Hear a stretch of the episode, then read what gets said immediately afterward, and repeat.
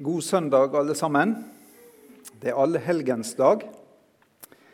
Eh, og mange steder er det en stor sak der en dyrker helgena og døde, og minnes de som er døde og har nådd fram.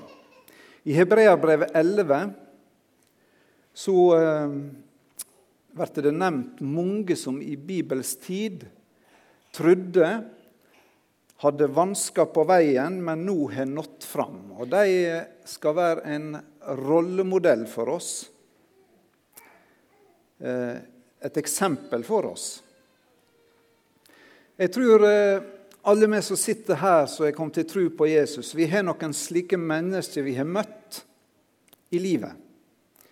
Eh, som har betydd noe ekstra for oss når det gjelder å komme til tro å få bli kjent med Jesus, som har gått ved sida vår når vi har tatt valg.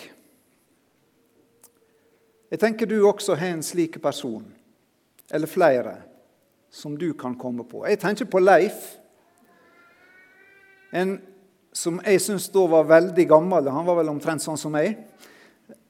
Han drev bibelgruppe for tenåringer i stua si i fire-fem år med en gjeng med tenåringsgutter. For ei tålmodighet. Men hva det har betydd for meg? Utrolig mye. Jeg er takknemlig for Leif. Kom lederne dere i hug som taler Guds ord til dere, står det i Hebreabrevet 13, 7. Og ta deres liv og tru til førdømme. I dag er det du som tror på Jesus som kan sette varige spor i møte med mennesker. Som er en rollemodell i dine holdninger, i din væremåte. Eh, der du kan være en rollemodell som peker på Jesus og på håpet. Slik at de du møter, kan finne det håpet du eier. Dagens tekst er henta fra eh, Jesus sin kjente tale. Jeg må få lov å si som sunnmøring at eh, når jeg har vært i Israel og sett det høgdedraget, så syns jeg det er litt overdrevet å kalle det et fjell eller et berg. Det er jo et høgdedrag. Men det er en av de lange talene som er gjengitt i Det nye testamentet av Jesus. Eh, og i det vi snart skal lese, så er vi inne i Særlig i lys av denne søndagen så blir en kristen sitt liv sett inn i det store bildet, der dette livet er som ei oppløpsside, et forspill til det store og herlige som venter. Den som er på vei til Guds evige rike, er salig. En eh, Hverdagslivet for en kristen blir levd i lys av en evig verdiskala. Derfor gjør en Jesu disippel andre valg enn om han ikke var det. Andre prioriteringer enn om han ikke var det. Og Han tar omkostningene med et disippelliv fordi der er et herlig håp i vente. Der er et himmelrike å vinne. Vi leser fra Matteus 5, 1-12 i Jesu navn, og reiser oss. Da Jesus så folkemengda, gikk han opp i fjellet. Han satte seg, og læresveinene samla seg om han. Da tok han til orde og lærte dem, sele de som er fattige i ånda, himmelriket er deira. Sele de som sørger, de skal bli trøsta. Sele de audmjuke, de skal arve jorda. Sele de som hungrer og tørster etter rettferd, de skal bli metta. Sele de miskunnsame, de skal få miskunn. Sele de reine i hjertet, de skal sjå Gud. Sele er de som skaper fred, de skal kalles Guds bånd. Sele de som blir forfølgde for rettferds skyld. Himmelriket er deira. Ja, sele er det når folk for mi skyld spotter dykk og forfølger dykk og lyg og taler vondt om dykk på alle vis. Gled dykk og jubla, for stor er løna dykkar i himmelen. Slik forfølgde de òg profetene før dykk. Herre, gjør sinna våre åpne for din heilage ande. Gi oss et syn av det usynlige riket, slik at vi kan være sele, leve i tru og være på vei til himmelen. Skap i oss et disippelsinn, slik at ditt rike kan komme i våre liv og til våre medmennesker ved oss. Amen.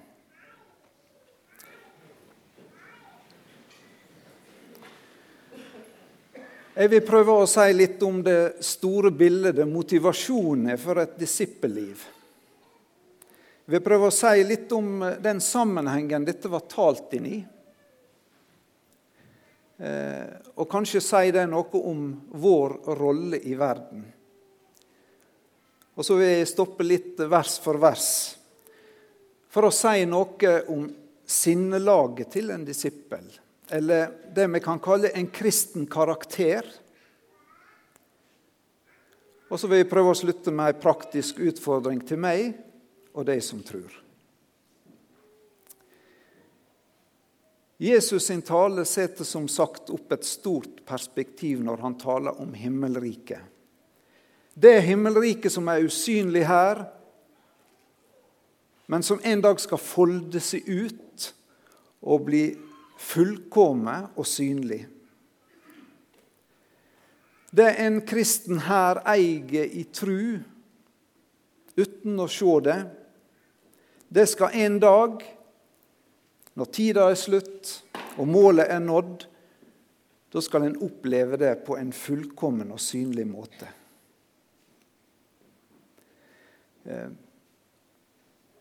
Det handler om livet her som disippel. og det det som Jesus taler her, kan vi bare forstå om vi har det store bildet for øyet og det herlige mål i sikte.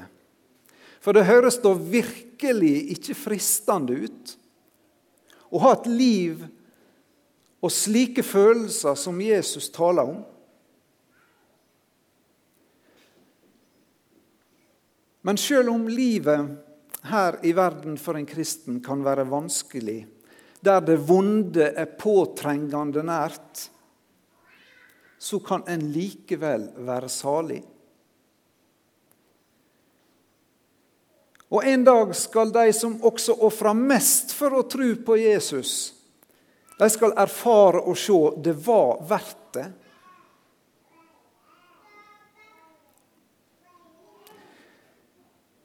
Det er en realitet som lett tar alt mitt fokus, og jeg tror ditt også. Det er livet her og nå.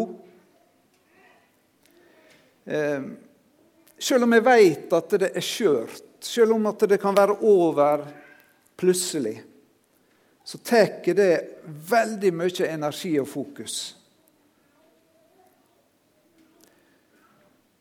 Men det er i det kristne store perspektivet bare et forværelse, en vei til det store målet. Det som du har hørt fra Guds ord og lest, og bare skjøna og ana stykkevis og delt, det skal en dag avsløres. Jeg er ikke så veldig karismatisk av meg, men jeg måtte tenke på dette i dag tidlig. For en dag det vil bli når vi skal se Jesus og Guds rike er fullkomment, der det er en realitet. Der alt vondt borte. Der Guds gode vilje rår fullt og helt. Da er vi hjemme. Da er vi framme. Det er forventning i Jesus sin flokk. Bibelen taler om lengsel Ei glitrende, forventningsfull glede som kan sammenlignes med, med når du står og venter på en du er forelska i eller glad i og lengter etter å se.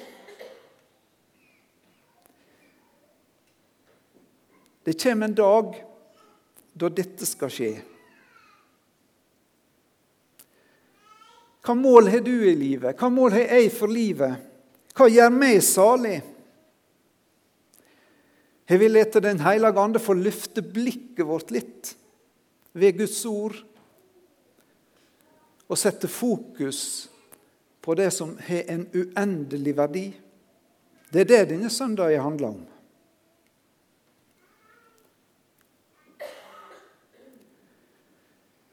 Vi las disse versene fra Matteus 5. Eh, like før så leser vi om at Jesus gikk omkring og underviste i synagogen i Galilea og lekte sykdom og plage hos folket. Og Ryktet spredde seg utover Syria, og det kom folk til han. De leid av forskjellige plager, og de kom i store mengder. Når vi las teksten vår, så kunne det høres ut som det var bare disiplene som var der. Men ved slutten av bergpreika så leser vi at det var mange som var der. Folket var fulle av undring over det de hører, står det. Og når han gikk ned av fjellet, så står det i kapittel 8 vers 1 at mye folk fulgte ham. Denne sammenhengen sier meg litt om Jesus. Det sier litt om mennesket generelt. Og det sier noe om rolla til Jesu lærsveiner eller disipler. Om Jesus. Vi møter Jesus i aksjon, i møte med folk. Mange kom, for det var håp. Han så hele livssituasjonen deres og der var hjelp å få. Det var noe ved Jesus, han hadde noe med seg som folk likte og trengte. Det er noe attraktivt med Jesus for alle mennesker. Og der Jesu ånd får råde, der er det godt å være. Der er det godt å være menneske. Det kan vi tenke på når vi ser på fellesskapene våre. Der Jesu etterfølgere er, der er ikke de isolert sekt. Der er det åpent.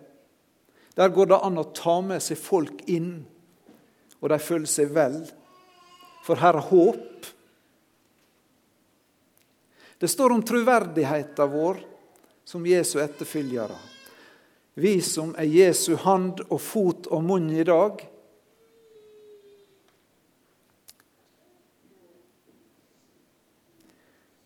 Og så leser jeg av dette, denne sammenhengen at alle mennesker er søkende.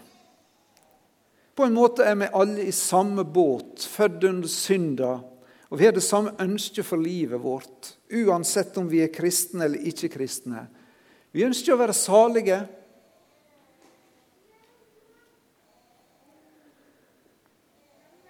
Vi må ikke ordlegge oss slik at vi setter opp falske hinder til Guds rike.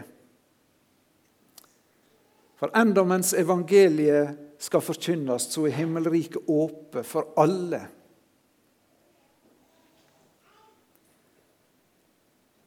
Alle mennesker er våre brødre og søstre på en måte.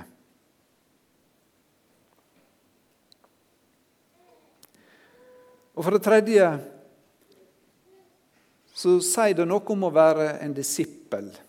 De fulgte Jesus opp i fjellet og hørte hva han sa. De var jo ute på en, eh, en sånn praksis når de gikk i lag med Jesus og så hva han gjorde. De så hans gjerninger, og så setter de seg ned og hører.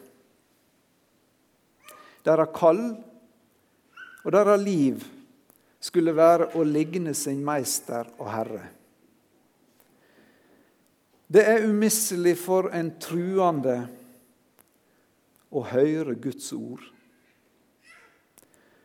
For der, i Hans ord, så får jeg håp og derfor en veiledning om hvordan jeg skal nå målet.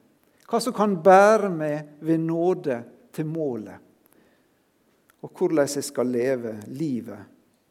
Min lille hverdag i mitt liv, det taler Jesus om.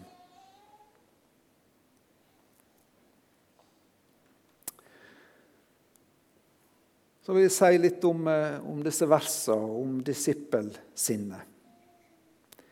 Sel, lykkelig eller velsigna kan dette ordet omsettes med. Å være sel,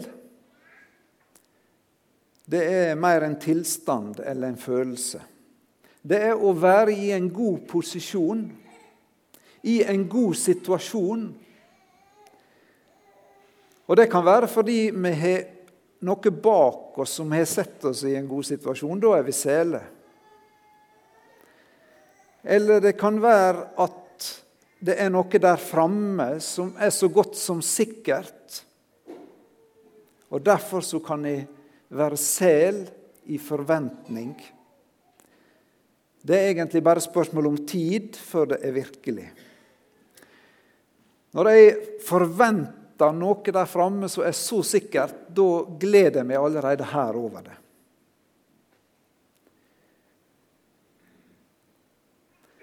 Ehm, jeg tror jeg har sett den gleden hos folk som har ønska å få bånd lenge. Og så blir dama gravid, og så er det et stykke på vei. Da er det ei sel glede for da veit en at snart skjer det store, at et barn kommer. Men jeg har jammen møtt de som har tippa i Lotto og går over sel og skal vinne så og så mange millioner. Det er én sjanse på 5,3 millioner sjanse. Det blir veldig viktig hva grunnlag vi er sele på. Hva knytter du ditt håp til? Hva bygger du og jeg på? Bergpreika avslutta utfordrende med fortellinga om den uforstandige som bygde på sand, og den kloke som bygde på fjell.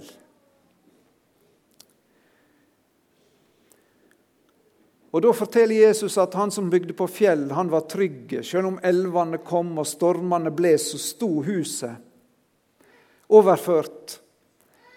Den som bygger på Guds ord, og på Guds løfte, han kan være sel, sjøl om jeg ikke veit hva som venter meg framover. En kristen er i så god situasjon at Jesus gratulerer nærmest med stillinger og posisjoner. Fordi det hele er knytta og festa i Gud sjøl. Og Gud lyver ikke. Han er allmektig, og han vil fullføre det han har sagt. Og På en måte så kan vi ta vekk tidsfaktorer i denne forventninga. Første Tessalonika-brev 5,24 sier det sånn.: Trufast er Han som har kalla dykk. Han skal òg fullføre det. Dette opplever vi når vi kommer til Jesus med livet og synda vår, i tillit til at Jesu blod renser fra all synd. Det er Guds løfte, det. Da kan jeg tro det og glede meg og være prise Gud for ei frelse i Jesus. Og Slik er det også med dette med himmelriket. Jeg kan synge lovsunger og prise Gud, og det er det fullt av blant Jesu venner. Vi kan glede oss alltid i Herren, også du som er i dag og har en dårlig dag og kjenner på dårlige ting i livet ditt. Du kan lovsynge Herren og glede deg i Han. For Han vil bære deg, Han vil lede det.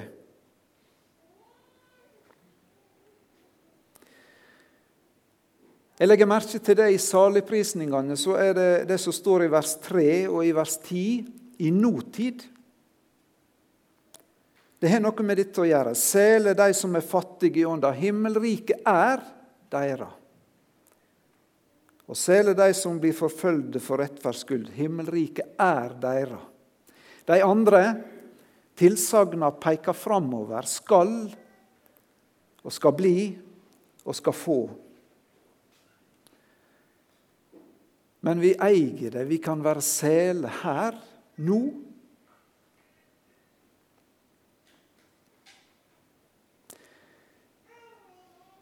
Vi må ikke lese saligprisningene som en vei til å bli et Guds barn. Vi må heller lese dem som en undervisning om fruktene av å leve i Guds nåde. Og det forteller oss litt om hvordan en disippel ser ut. En kristen karakter. Det som Den hellige ande vil drive oss til å leve ut i livet våre. Det samsvarer veldig godt med det som står om fruktene av Den hellige ande i Galaterbrevet 5, 22 og 23. Men andens frukt er kjærleik, glede, fred, tålmod, mildskap, godleik, truskap, audmjukskap og sjøldisiplin. Sele de som er fattige i ånda, himmelriket er deira. En kristen er hjelpeløst avhengig av Guds nåde i Jesus. Fattig i seg sjøl overfor en allmektig og heilag Gud. Treng nåde og tilgivning for alle mine synder. Fattig i sin egen ånd, særlig når en prøver seg over for det som står seinere i bergpreika, og som topper seg i vers 48 i kapittel 5. Vær da fullkomne som Far dykkar i himmelen er fullkomne. Hvem er det? Opp med ei hand. Det er ingen. Per Nordsletten, en eh, lekmannspredikant fra Lesja, han skrev ei erfaring som en kristen gjør på sin vandring. Det er en type skuffende utvikling, på en måte. Han skriver sånn på sitt gammelmodige salmespråk.: Jeg fattig var, er verre vorden, ser mer og mer av hjertets dynn, synd.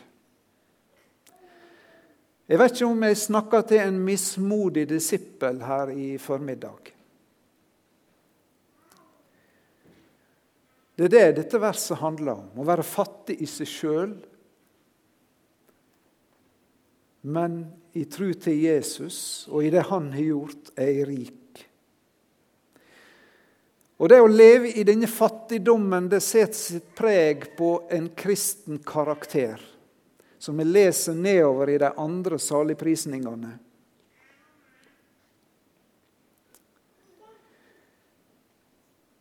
Her står om Sele de som sørger, de skal bli trøsta. En disippel sørger over det vonde i eget liv. Det står om dette ei sorg i 2. Korinterbrev 7, 10, om ei sorg som virker omvending. Ei sorg over dette som stadig kommer fra mitt gamle menneske og min gamle natur, som ikke skulle være der. Men en eh, kristen sørger også over synd og vondskap i verden. Den skal bli trøsta. Gud sendte sin hellige ande for at den skulle gå ved di side, i sorg over eget liv, og trøste deg med det Jesus har gjort. At det er nok. At i Han er du rik nok. Så står det om den audmjuke som skal arve jorda. Eh, audmjuk blir en egentlig bare ved å bli audmjuka. Innenfor Gud blir en synder audmjuk. I Jakobs brev står det om at Gud står den stolte imot, men den audmjuke gjev han nåde.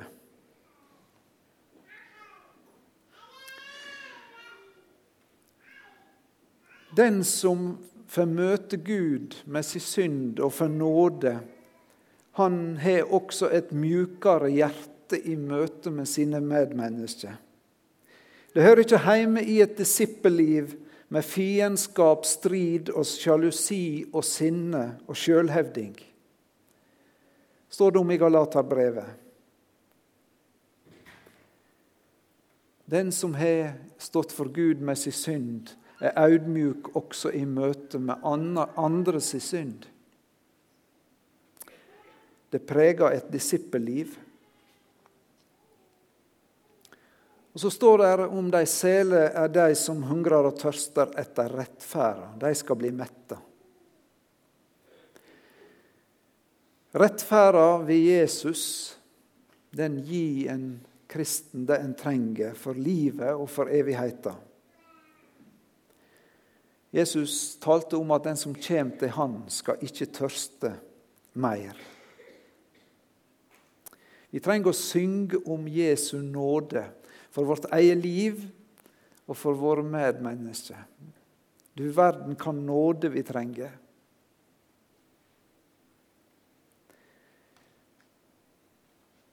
Men vi kan se også dette i et større bilde, som Jørgen var inne på i åpningsorda her. Så en dag, da skal rettferdigheten seire. Det som er så masse av på denne urettferdige jord, det skal bli dømt og satt til side når alt blir sett i rett skikk. 2. Peters brev 3,13. Men etter Hans lovnad venter vi på en ny himmel og en ny jord der rettferd bor. Så står det om de miskunnsame. De skal få miskunn. Dette er ei frukt av å leve i Guds miskunn. Den ufortjente nåden og kjærleiken og godheten som Gud viser meg. Den som lever der med sitt liv, kjenner på lysta til å vise miskunn. Godhet til andre mennesker. Han som elsker alle, kaller sine disipler til å elske sine medmennesker. Det var det vi så når Jesus gikk omkring i Galilea. Han forkynte evangeliet og lekte sykdom og plage hos folket. Vi er ikke kalla som disipler til å leve for oss sjøl i denne tida vi er her. Vi er kalla til å vise miskunn.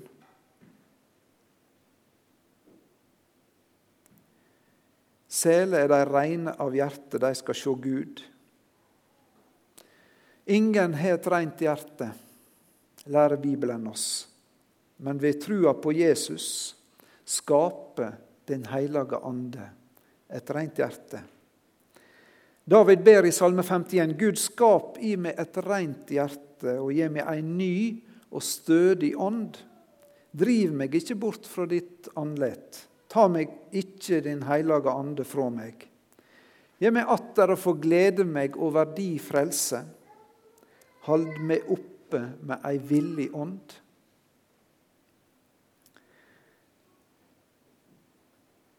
Så står det om de som skaper fred. De skal kalles Guds bånd. Det er ikke for mye fred i verden en kar som jeg kjenner godt, han bruker å si når han hører om ugreie mellom mennesker, så sier han der det er mennesker, der er det fiendskap. Det er en trist, trist livsholdning. Men det er noe med det. Men Gud er en fredens Gud. Og han vil skape i oss en kjærleik som tåler, tåler og skape fred. Sel er de som blir forfølgde for rettferds skyld. Himmelriket er deira. Det er mange, mange i verden som lider forfølging fordi de hører Jesus til, fordi de kjemper for det som er rett, fordi de vil stå for Guds vilje i hverdagen.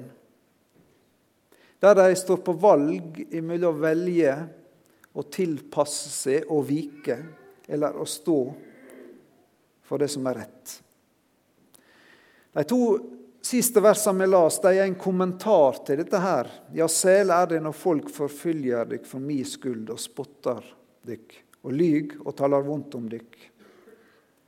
Men da, altså, skal en glede og juble, for stor er lønna i himmelen. Jeg lurer på om vi trenger å justere litt holdningene til hvordan vi tror det er å være en disippel i verden, på bakgrunn av disse versene. Det vil koste. Det talte Jesus om. Og det skal koste. Fordi vi skal i Jesu navn gjøre motstand mot det vonde i verden. Men det er verdt det, fordi det er et herlig mål, og dit vil vi ha flere med oss til. Jeg slutta talen med å tenke over hva dette betyr for meg. Jeg som har den jobben jeg har. Jeg som lever det livet jeg lever. Og det livet du lever, hva betyr det, du som vil være en kristen? Ja, vi kjenner på noe i vårt indre som vil si ja. Dette vil jeg. står om det i Romerbrevet 7,22. I vårt indre menneske så sier vi ja til Guds lov. Og så kjenner vi vi sier nei til dette egosentriske livet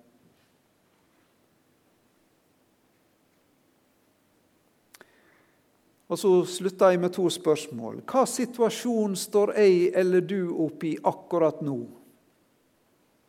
Der disse verdiene som jeg har talt om, hjelper det til å ta, og hjelper meg til å ta, et annet valg enn jeg lett intuitivt tar. Fordi jeg vil være en disippel.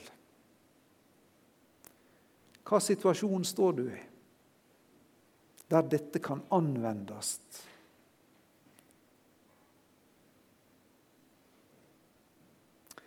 Og